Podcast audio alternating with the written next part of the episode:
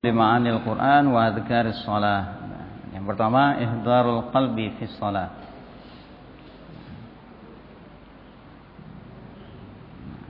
Nah, supaya bisa hadir dan akan bisa memahami pula makna-makna Al-Quran dan zikir-zikir salat itu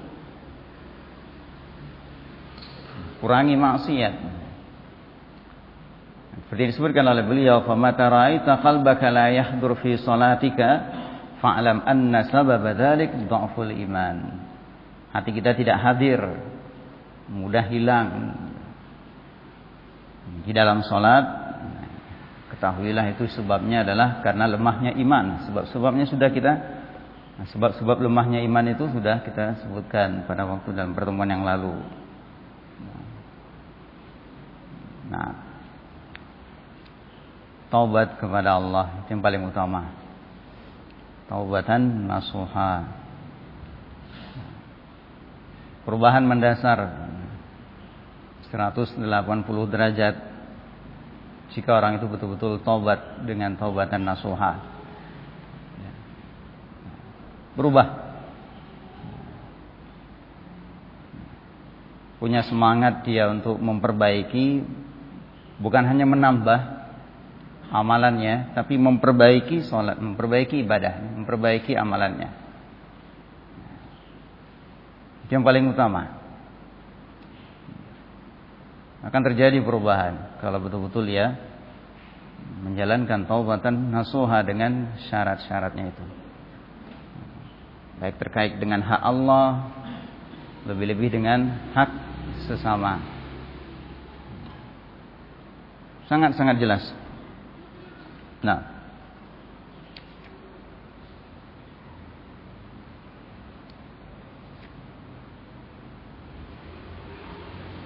Selalu tergerak dia untuk mencari ilmu, menambah ilmunya, untuk mengamalkan ilmunya.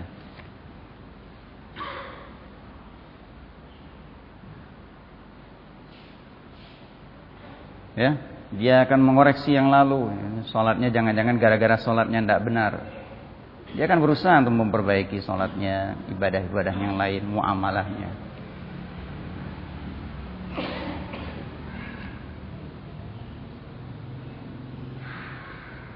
Ya, dan itu istilahnya mujarrab tajribah sudah dirasakan dan dialami oleh banyak orang yang betul-betul mereka bertaubat kisah-kisah mereka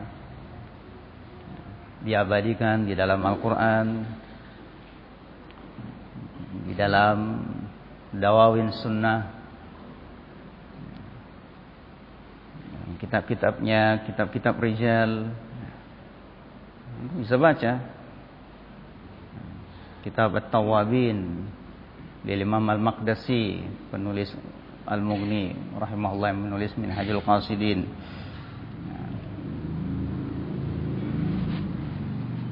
Hilyatul Aulia ya, tentunya sudah dengan apa namanya yang ditahdid yang dibersihkan dari yang riwayat-riwayat yang lemah.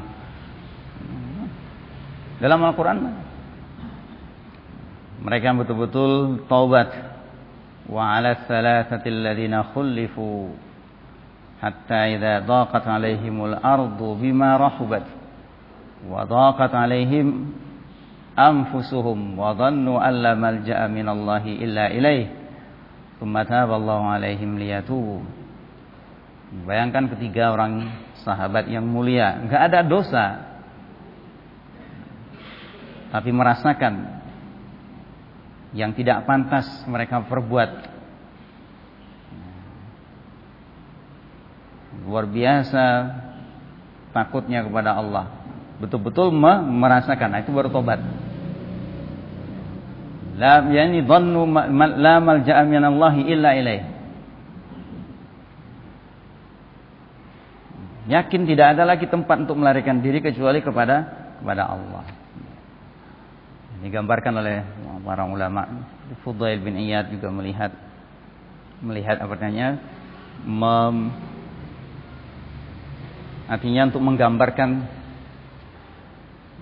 kalau yang dirasakan para sahabat itu mereka cerita sendiri ya Bagaimana Ka'ab bin Malik Madinah yang begitu luasnya itu terasa sempit. Murarah dan Aus, dua sahabat itu sudah mengurung diri di rumah menangis. Sudah mengurung diri di rumah. Nah, sementara Ka'ab bin Malik tajallad, coba tabah. Tapi tidak ada satupun yang menegur. Disalami, buang muka, noleh ke tempat yang lain. Tidak mau disapa, tidak mau menyapa. Curi-curi pandang melihat Rasulullah. Rasulullah tidak mau lihat dia. Giliran dia sholat, betul-betul sholat, Rasulullah melirik dia. Melihatkan. Coba lihat seperti itu. Orang yang dicintai, orang yang hormati, orang yang disayangi. Nah, yang dijunjung tinggi. Masya Allah. Perasaan mereka seperti apa? Tapi taubat mereka benar. Nah, seperti itu taubat. Digambarkan oleh Fudail ketika melihat di jalanan Mekah seorang anak diusir, dimarahi oleh ibunya, diusir keluar malam-malam. Diusir keluar, nangis anak tadi. Nangis dia balik lagi mau ke mana ini nggak ada tempat ini. Akhirnya tidur di depan pintu rumahnya tadi. Nah, ibunya, ibunya ngintip dari dalam melihat anaknya tertidur. Bayangkan seperti itu. Nah, seorang ibu. Allah lebih penyayang kepada hambanya daripada ibu tersebut terhadap anaknya. Tidak ada tempat lagi untuk melarikan diri, untuk menghindar, nah, untuk menyelamatkan diri. Itu kalau budak itu tahu diri.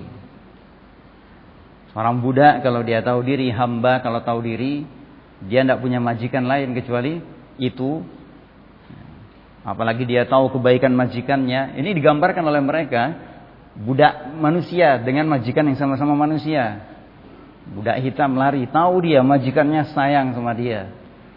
Masya Allah, semua kepenuhannya di, di nah, tahu-tahu dia lari. Abek. Budak kalau lari itu kena ada kena laknat sampai dia kembali kepada majikannya. Itu baru manusia. Nah, budak ini lari. Nah, digambarkan seperti itu. Kemudian dia sadar bahwa nggak ada tempat lagi. Majikannya begitu sayang sama dia, akhirnya kembali. Nah, kalau majikan itu bisa memaafkan dia, menerima dia kembali, apalagi Allah Subhanahu wa taala. Dan kita tidak punya tempat untuk melarikan diri, menghindar kecuali hanya kepada kepada Allah.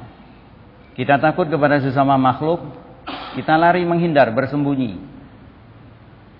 Atau buat sesuatu untuk bela bela diri. Itu kita takut dengan sesama manusia, sesama makhluk, entah binatang buas atau yang lainnya. Tapi takut kepada Allah bukan lari, menghindar, tidak ada tempat lari. Lalu datang. Larinya kepada kepada Allah. Itu taubat. Itu tau taubat digambarkan oleh para ulama. Firman Allah Subhanahu wa taala dalam hadis qudsi, "Ya ibadi, kullukum mukhti'una bil-laili wan-nahar." Wa ana aghfiru dzunuba jami'an fastaghfiruni. Aghfir lakum. Innakum tukhti'una bil laili wan nahar Allah katakan kita manusia selalu salah siang dan malam. Fi'il mudhari kan? Disebut lagi waktunya siang dan malam kita selalu buat salah. Wa ana aghfiru dzunuba jami'an Kata para ulama antara mereka yang menafsirkan ayat hadis ini, lihat az-dzunub dalam kalimat ini. Az-dzunub dalam kalimat ini dengan alif lam. Kemudian diperkuat dengan jami'an. Diletakkan sebelum perintah untuk istighfar. Menunjukkan kata mereka supaya orang yang ber, merasa berbuat dosa itu jangan putus asa.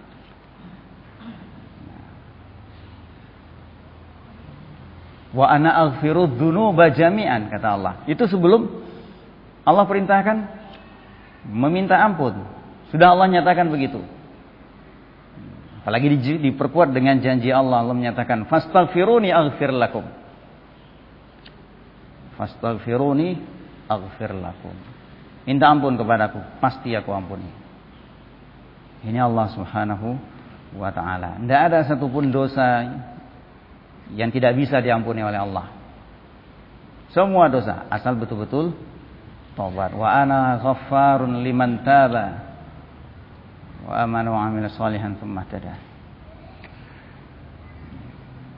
Ghaffar, Allah itu maha memberi ampun. Betul-betul tapi liman taba. Bagi orang yang bertobat.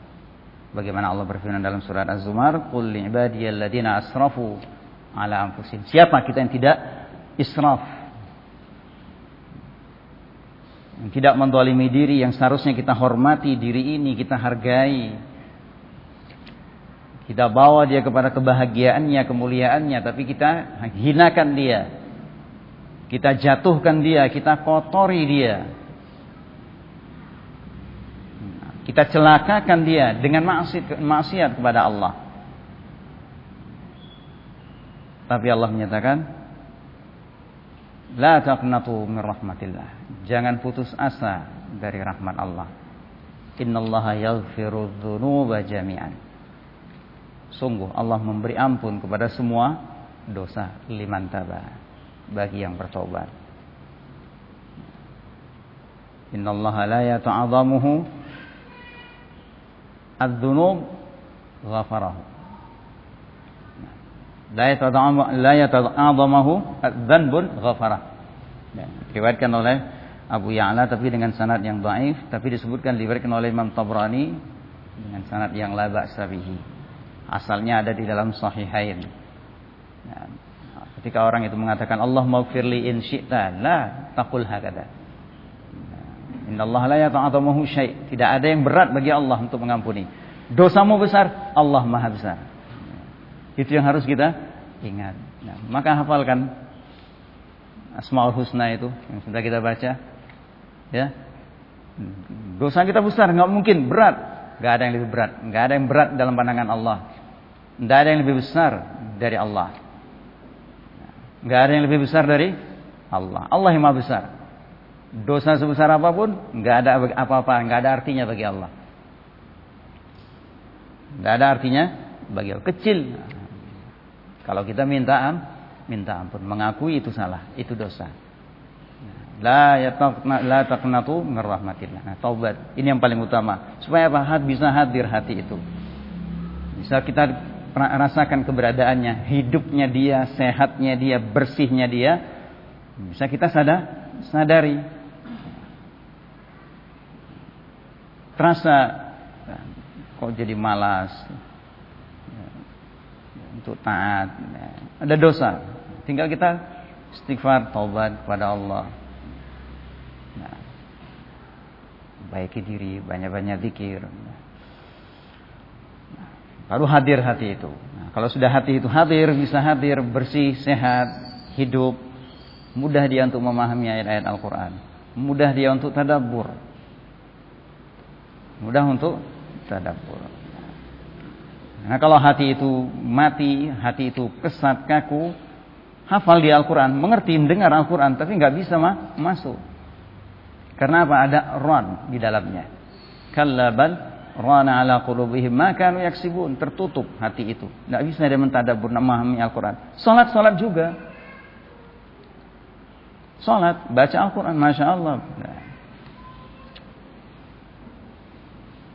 Tapi naudzubillah sampai la jawizu hanajirah tidak sampai yang lewat kerongkongannya supaya bisa hadir hati itu dengan taubat kemudian supaya bisa juga untuk memahami makna-makna Al-Quran. Nah. Bi an yajtahid al-musalli fit tafakkur wa tafahum lima yuqra alaihi min kalam min kalamillahi fi salatihi dan itu adalah dengan cara bersungguh-sungguh orang yang salat itu untuk memikirkan dan memahami apa yang dibaca kepada dia, dibacakan kepada kepadanya. Yang ini dia sebagai makmum atau dia membaca Al-Qur'an itu dalam salatnya dia salat sendirian. Soalnya ayat pendek misalnya. Nah, tapi dia paham. Rasulullah SAW barang mengulang-ulang ayat sampai subuh. Satu ayat. Nah. Salaf kita yang lain, ya itu kan Rasulullah. Sahabat juga. Nah, itu kan sahabat, ya, tabi'in juga ada. Tabi'in, bahkan di bawah mereka tabi'ut tabi'in. Nah, membaca ayat, kadang diulang. Semacam azilzal, tidak merasa apa namanya canggung tidak kok aneh. Bahkan disebutkan oleh Ibnu Qayyim kalau memang ayat-ayat tersebut membuat hati itu terketuk, tergetar, takut, kemudian menyadari kesalahannya, dosanya banyak dan taubat kepada Allah, muncul rasa takutnya pada Allah, ulangi hatta seratus kali. Walaupun kamu baca seratus kali. Itu satu ayat toh. Waliman khafa maqama rabbih jannatan. Subhanallah. Nah, satu ayat itu sudah luar biasa itu. Nah, atau ayat sebelumnya yuraful mujrimuna bisimahum fayu'khadhu bin nawasi wal aqdam. Banyak ayat yang semisal. Nah, itu gunanya yang disebutkan oleh Allah. Inna nasyiatal laili hiya ashaddu wat'an wa aqwamu qila lebih berat tekanannya, membekas di dalam.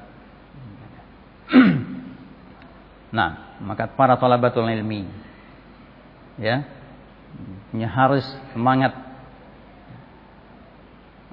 ya untuk merasa merasakan yang seperti ini. Al-Quran sudah antum miliki, antum baca, antum dengar juga keterangan sebagian ayatnya, antum atau antum baca sendiri dari keterangan para ulama entah itu dari terjemahan atau buku-bukunya tulisan-tulisannya para ulama yang antum dapatkan lewat tulisan para asatid manfaat Nah, amalan biqaulihi ta'ala sebagai pengamalan firman Allah taala fala yatadabbaruna al-Qur'an am ala qulubin aqfaluha Apakah mereka tidak bisa tidak mau mentadabbur Al-Qur'an? Dengan hati yang tentunya terbuka, akal yang bercahaya, bukan hati yang terkunci. Celaan, kenapa tidak bisa mentadabbur Al-Qur'an? Karena hati itu ter, terkunci. Apa sebabnya? Ke atas. Dosa. Hafal sudah Al-Quran, tapi enggak, enggak Kenapa nggak bisa masuk, nggak bisa merasakan nikmatnya? Apa yang dimaukan dalam ayat ini? Nah, ya, bukan sekedar irama bacaan yang menyentuh maknanya. Sehingga mereka yang betul-betul paham itu merasakan nikmat dan merasakan getaran hatinya itu betul-betul tunduk kepada Allah ketika dia mengulang-ulang walaupun itu satu ayat. Takutnya luar biasa, apalagi seperti yang kemarin kita sebutkan satu ayat wa yunazzilul Qur'an wa nunazzilu minal Qur'ani ma huwa syifaa'un wa rahmatul lil mu'minin wa la yazidul zalimina illa khasara. Ma jalasal Qur'ana ahadun illa qama anhu biziyadatin au nuqsan. Tidak ada satupun yang bermujalasah dengan Al-Quran. Duduk dia bersama Al-Quran. Melainkan berdiri dalam dua keadaan. Imma ziyadah, tambah imannya. Atau nuqsan, tambah turun. Zadahu rijsan ila rijsihim. Tambah sumpek dia tambah nggak yakin dia atau nggak berbekas nah ini bahaya ini bahaya. Dua-duanya bahaya. Tambah imannya tambah semangat dia untuk pelajari tambah semangatnya untuk memperbaiki diri tambah semangatnya untuk menghindar dari ayat-ayat ancaman seperti ini. Semangat dia beramal dengan Al-Quran. Menggunakan ayat-ayat Al-Quran untuk banyak hal. Dia berobat ya. Nah, perintahnya dijalankan larangannya dijauhi yang haramnya diharamkan yang halalnya dihalalkan. Apalagi salah satu doa kita sering mungkin merasakan gelisah merasakan takut. Hal-hal yang muncullah dalam pikiran. Namanya kita bergaul punya resah, cemas, gelisah, galau nah. Pernah kita coba melarikannya dengan Al-Quran Atau kita pilih cara yang lain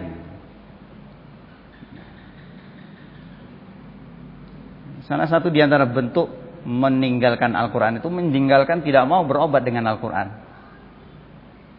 Stres, galau, ke mana dia pergi? Apa yang dia lakukan? Padahal Rasulullah mengajarkan dalam doa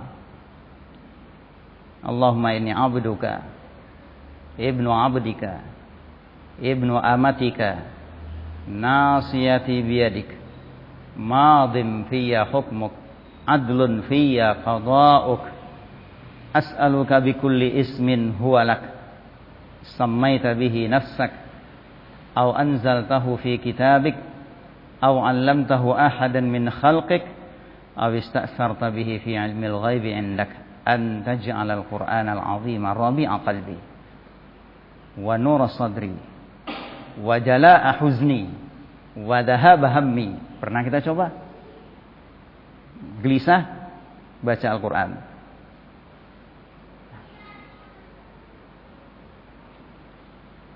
belum pernah kita coba coba itu salah satu syifa yang Allah berikan sebutkan dalam ayat yang lain. Syifa lima fis sudur.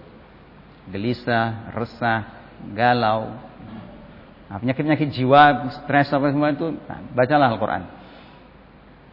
Enggak bisa sih hilang Ustaz. Nah, bukan salah Al-Qur'annya. Kita sudah lewat dalam ada wa dawa apa sebabnya? Mahalnya itu enggak nyantel. Sama tanyakan sama dokter. Sudah makan empat bungkus empat tablet misalnya apa Bodrex pusing kepalanya, masih juga senut-senut. Nah, bukan botrek yang salah. Yang di sininya itu.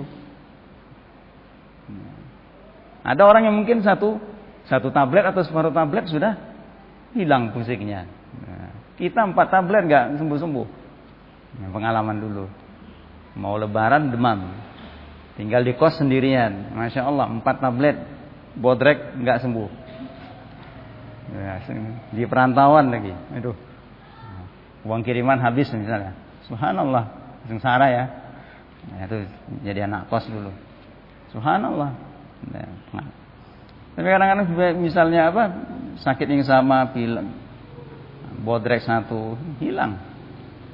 Nah,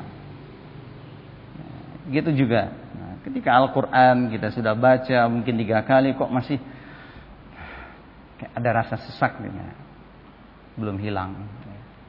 Nah, itu bersihkan dulu. Nah sebabnya adalah ada yang kotor masih di dalamnya karena dosa. Nukitat fi qalbihi nuktatun sauda. Sauda itu masih yang hitam ini masih ada. Nah, itu yang dikikis yang dibersihkan. Istighfar dengan taubat sungguh sungguh sungguh. Baru dia nanti akan bisa memahami Al-Quran Contoh konkretnya lihatlah para sahabat Badui. Artinya mereka orang-orang Arab pedalaman, bukan orang-orang modern seperti orang-orang Persia dan Romawi, nggak dilirik oleh bangsa-bangsa ketika itu. Bahkan disebutkan mereka jelek sekali ya pandangan orang-orang Eropa ketika itu ya orang-orang Yunani, orang-orang Romawi, orang-orang Persia merasa sudah maju. Jahiliyahnya itu nggak cuma jahiliyah kurang dianggap buta huruf, safih, Akal mereka rendah, tidak punya budaya. Tapi subhanallah ketika mereka hatinya hidup dengan Al-Quran itu. Mereka yang menjadi pelopor. Baru melek orang-orang Eropa itu setelah sekian ratus tahun dalam keadaan ke nah, tenggelam dalam kegelapan. Ini mereka akui sendiri. Ya. Nah, abad ke-6 sampai awal gitu, setelah Nabi Isa diangkat ke langit itu abad ke-8 kerusakan di Eropa. Seluruh dunia malah. Nah nah itu salah satu upaya untuk dapat mentadabur Al-Qur'an. Qala rahimahullah wa kadzalika yuhawilu an yulahid ma'ani al-adhkar wal ad'iyah. Nah, dia juga berusaha untuk memperhatikan makna-makna dikir-dikir dan doa-doa yang dia dia baca di dalam sholat. Allahu Akbar. Sering apa ini para imam ya. Kadang-kadang terdengar Allahu Akbar. Apakah itu Allahnya itu marfu atau mansub? Kalau mansub salah. Ibadah itu tauqifiyah, ya. Nah. Jadi kalau ini mungkin kedengaran anak yang sudah kurang karena mungkin jauh. Nah, kalau menjadi apa istrinya Allahu Akbar itu yang pernah memang ada yang disinggung oleh sebagian ulama kurang jelas ya. Nah, itu hati-hati. Nah, kalau antum mendengarnya Allahu Akbar ya alhamdulillah. Ya, yang yang salah apa namanya kurang jelas nangkapnya. Tapi kalau misalnya lebih diperjelas, alhamdulillah fabiha wa nikmat. Ya, nah ibadah namanya ibadah tauqi tauqifiyah. Baik, nah kemudian mulai dari takbiratul ihram. Fa yatafakkaru fi kulli dzikrin syur'a fi shalah. Nah, dia pikirkan, dia renungkan setiap bacaan zikir yang disyariatkan di dalam salat. Masya Allah, mulai dari iftitah Allahumma ba'id. Yang mereka baca ini. Allahumma ba'id. Ya Allah jauhkan antara aku dan kesalahanku. Masya Allah kesalahan kita luar biasa banyaknya. Yang lahiriah apalagi yang batin. Kita punya mungkin hasad dunun yang jelek kepada orang lain. Kurangnya tawakal. Iri dengki Penting kita makanya membaca doa itu betul-betul kita sungguh-sungguh. Nah, bacaan yang kedua Allahumma naqqi qalbi atau naqqini minal khataya. Bersihkan aku dari kesalahan. Tidak hanya bersih dari kesalahan dan dosa lahiriah yang kita perbuat. Batin kita sebagaimana dalam doa yang lain. Ya, disebutkan diriwayatkan Allahumma naqqi qalbi minal khataya kama yunaqqa thawbul abyadu minad danas. Jadi bersihkan pula hatinya dari dosa dan kesalahan dalam lafaz yang lain ingat ada khati'ah. Nah. Allah maghsil khataaya bil ma'i bisalji wal ma'i wal barad. Minta dibersihkan oleh Allah kesalahan-kesalahan itu. Nah, ini doa sudah. Sungguh-sungguh apalagi doa misalnya yang biasa dibaca oleh Rasulullah SAW dalam salat malam. Allahumma antal malik. La ilaha illa anta. Anta rabbi wa ana abduk. Zalamtu nafsi wa ataraftu bidambi. Mengakuan di hadapan Allah Kita bermasa buat. Aku telah mentolimi diriku. Wa ataraftu aku mengakui dosa-dosaku. Faghfirli fa innahu la yaghfiru dhunuba illa anta. Dan seterusnya. Nah, nah itu luar biasa sebetulnya wa ma'nahul khas bihi. Dan makna-maknanya yang khusus. Dengan zikir-zikir tersebut. Wa yastahdiruhu biqalbi nah, dia hadirkan di dalam hatinya. Dia ingat. Apalagi ketika antum baca Ihdinas siratal mustaqim atau ayat sebelumnya nah, ya, alhamdulillahirabbil alamin memuji Allah Ingat nikmat yang Allah berikan kepada kita. Ingat nikmat kebaikan yang Allah berikan kepada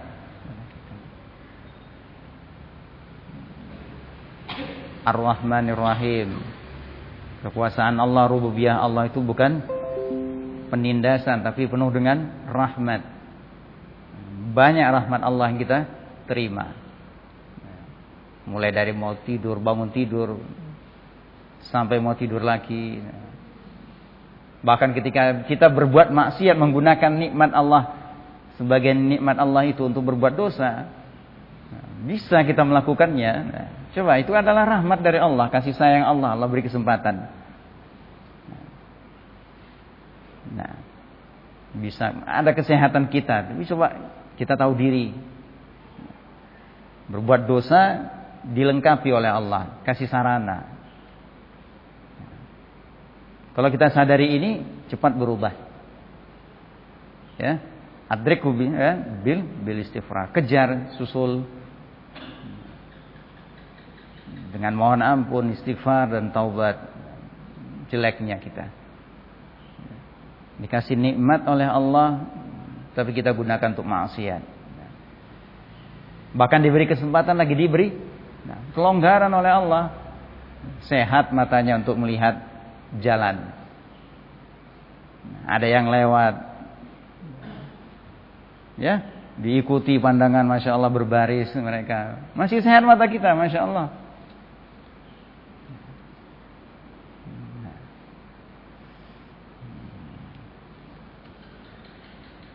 fayusni bihi 'ala Allah. Jadikan itu untuk kita memuji, menyanjung Allah. Ma'ahuduri ma'nahu fi qalbih. Disertai dengan hadirnya makna-makna itu di dalam hati. Ta'awud kita. Ta'awud juga Allahu Akbar, kemudian iftitah, ta'awud. Betul-betul lah hendaknya ta'awud. Kalau betul-betul kita memang hadir untuk salat, menyadari kita sedang kita akan berbincang berbicara dengan Allah berdiri di hadapan Allah. Hampir-hampir tidak akan mungkin antum diganggu oleh syaitan dengan menguap sekalipun. Tidak akan. Yakin. Sadari bahwa kita mau berdiri di hadapan Allah. Mau bicara. Mungkin kita akan mengadukan persoalan. Belum lagi tingkatan ini. Pernah kita coba Allah perintahkan tadi dalam ayat ista'inu bis sabri was salat. Pernah kita lakukan? Ada problem, ada masalah, sholat dua rakaat. Ya, seringnya kita cari konsultan. Nah, coba lakukan. Rasulullah SAW, bukan hanya Rasulullah, para sahabat, para orang, nah, para imam kita yahimuhumul amr yafza' ila salah. Datang problema, mereka datang kerjakan sholat dua rakaat. Minimalnya tenang hatinya dan dia melihat. Kalau sungguh-sungguh Allah berikan taufik untuk dia melakukan apa yang harus dia kerjakan. Nah, antum para talabah belum banyak dikotori hatinya dengan dosa, biasakan ini sulit menghafal, sulit ini belajar untuk menangkap masih kena. Antum biasakan ini yang dapat faedah bukannya antum, orang tua antum, bahkan yang yang sudah meninggal ataupun yang masih hidup. Ya, mereka dapatkan faedahnya. Bagaimana juga mungkin ya. Kita melakukan kesalahan mungkin mereka juga kena imbas bisa jadi. Ya. Bagaimana kalau kita misalnya apa namanya dengan hafal Al-Quran ini antum orang tuanya yang sudah meninggal itu dinaikkan derajatnya diampuni oleh Allah diberikan mahkota. Nah, mungkin begitu juga dengan sebaliknya. Qala fayuati'ul qalbu al-lisana sehingga bersesuaian hati itu dengan lisan Jadi bukan hanya lisan, bukan hanya kal terpisah. Ada yang mulutnya tidak bergerak. Memang hatinya bacalah ya.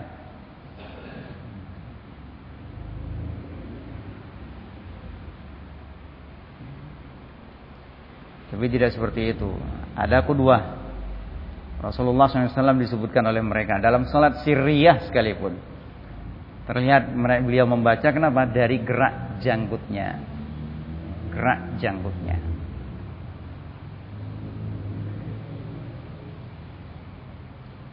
Nah, Nah, persesuaian hatinya dengan lisannya yang dia baca a'udzubillahi samil alim minasyaitonir rajim. Hatinya juga minta perlindungan kepada Allah. Itu hampir-hampir tidak akan menguap dia, nggak akan dihinggapi ngantuk. Apalagi di turunnya ayat-ayat berikutnya. Bahkan mungkin yang pikiran yang di luar tidak akan masuk. Qala wa minnal amthilati allati yumkin lil mar'i an yaqisa 'alaiha. Nah, di sini beliau ambil sebagian contoh. Kalau di dalam kitabnya dalam satu bab Ibnu Qayyim menulis Asrarus Salah dalam kitab As-Salah wa Hukmu Tarikiha. Nah, ada Asrarus Salah. Nah, beliau memulai dari takbir, kemudian doa iftitah yang ringan. Subhanakallahumma wa bihamdik wa tabarakasmuka wa ta'ala jadduka wa la ilaha ghair. Dia baca, dia hatinya pun juga menyadari ada subhanak, maha suci engkau ya Allah. Nah, dia menyaksikan hatinya seakan-akan melihat nah, di hadapannya ada Rob yang maha suci dari semua hal yang tidak layak baginya.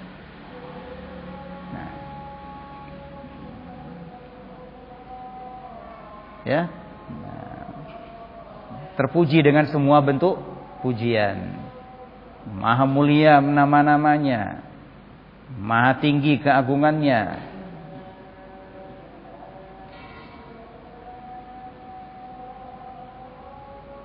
Nah, nah ini di antaranya nah di sini beliau menyebutkan idza qala al-musalli subhana rabbiyal azim an yulahidha fihi makna tasbih alladhi huwa salbun naqais wa kullu ma la yaliqu billahi fi asma'ihi wa sifatihi ketika dia membaca subhana rabbiyal azim yulahid dia perhatikan dilihat makna tasbih yaitu apa?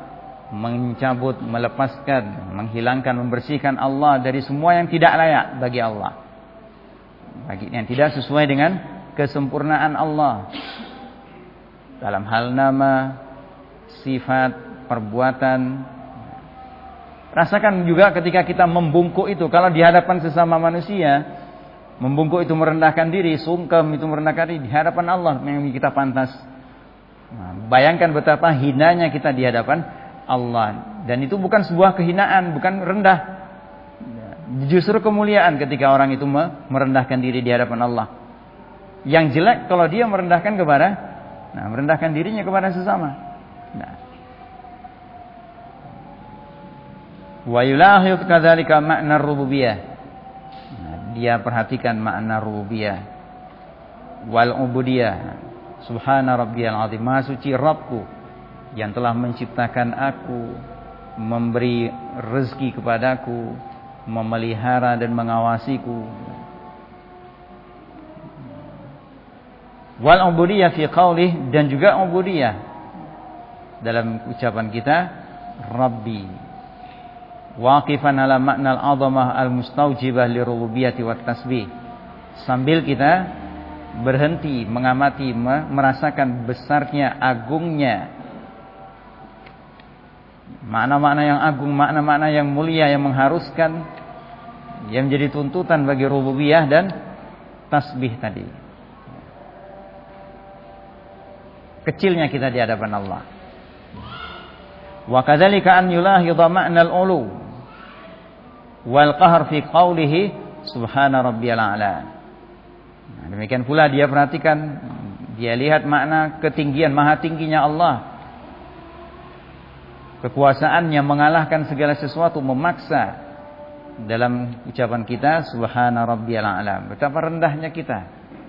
Betapa agung dan betapa mulianya Allah Subhanahu wa taala. Ya. Al-mustawjib bidatih yang mengharuskan ketinggian, kemahatinggian Allah dengan zatnya. Wa sifatihi dan sifat-sifatnya. Wa af'alihi perbuatan-perbuatannya. Wa hikmatihi ala kulli syai dan hikmahnya atas segala sesuatu. Nah, itu di antaranya. Perasaan banyak artinya kita meyakini bahwa yang kita hadapi adalah zat yang maha sempurna segala-galanya. Kemudian wa idza qala iyyaka na'bud. Nah, ketika dia mengucapkan membaca ayat nah, iyyaka na'bud.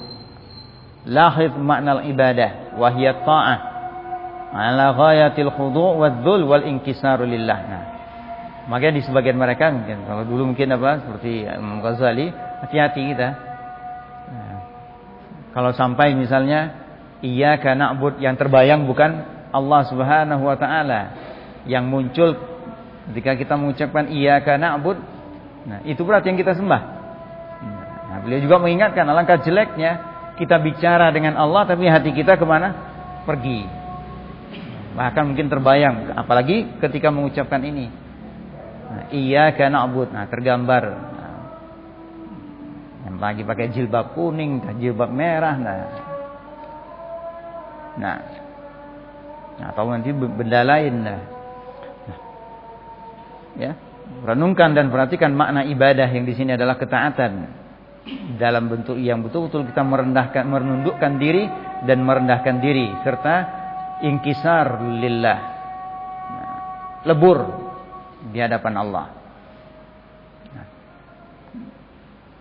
Kalau itu betul-betul diresapi dan diyakini, ini menghilangkan kesombongan dalam diri seorang hamba. Ini akan membersihkan hatinya dari kesombongan, merasa kibir. Nah, menunjukkan ketundukan dia. Nah, kalimat yang kedua, wa iyyaka nasta'in, itu akan menghilangkan ujubnya. Kenapa? Ketaatan yang dia lakukan, peribadatan yang sedang dia lakukan itu kalau tidak dengan pertolongan Allah tidak akan bisa. Nah, sempurnanya itu adalah ketika dia betul-betul mengharapkan pertolongan kepada Allah untuk bisa ibadah dengan sempurna. Subhanallah, alangkah nah, indahnya ayat ini Allah ajari kita untuk menyatakan seperti ini kemudian Allah bimbing. Apa yang kita minta tolong kepada Allah? Ayat berikutnya ihdinas siratal mustaqim. Tolong ya Allah tunjuki kami jalan yang lurus untuk bisa beribadah kepadamu dengan sempurna. Jauh dari ria jauh dari ujub jauh dari kibir jauh dari syirik. Nah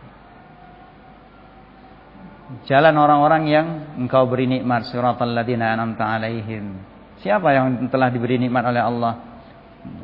Jalan orang-orang yang tidak pernah ria, tidak pernah ada sum'ah dalam hati mereka, orang-orang yang jujur imannya, orang-orang yang lurus tawakalnya, besar keikhlasannya, jalannya para nabi, siddiqin, syuhada dan salihin. Paham kita sudah maknanya ayat ini? Mintalah dengan sungguh-sungguh pada Allah, yuwati al-qalbu wal lisan. Cocok. Sesuai kita ucapan kita ihdinas siratal mustaqim, hati kita pun mengharap ya Allah, ihdini lihat. Wa nahu dzalika minal ma'ani dan makna-makna lain allati la yahsuruha dhihnu walal qalam yang tidak bisa dibatasi oleh akal kita tidak bisa pula diungkapkan oleh pena Nggak mungkin bisa kita membayangkannya karena luas sekali. Itu akan tergambar kalau misalnya nah, dalam keadaan mungkin setelah selesai sholat atau apa kita merenungkan kembali bacaan-bacaan tadi ya.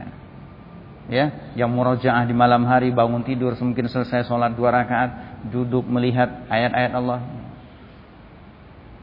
paham dia insyaallah menetes air matanya karena takut pada Allah Nah, berbahagialah kalau dia dapat sampai pada keadaan ini. Nah, janji Rasulullah SAW, nah, orang seperti ini di, akan dimasukkan dalam misalnya naungan yang tidak ada lagi naungan selain naungan Allah.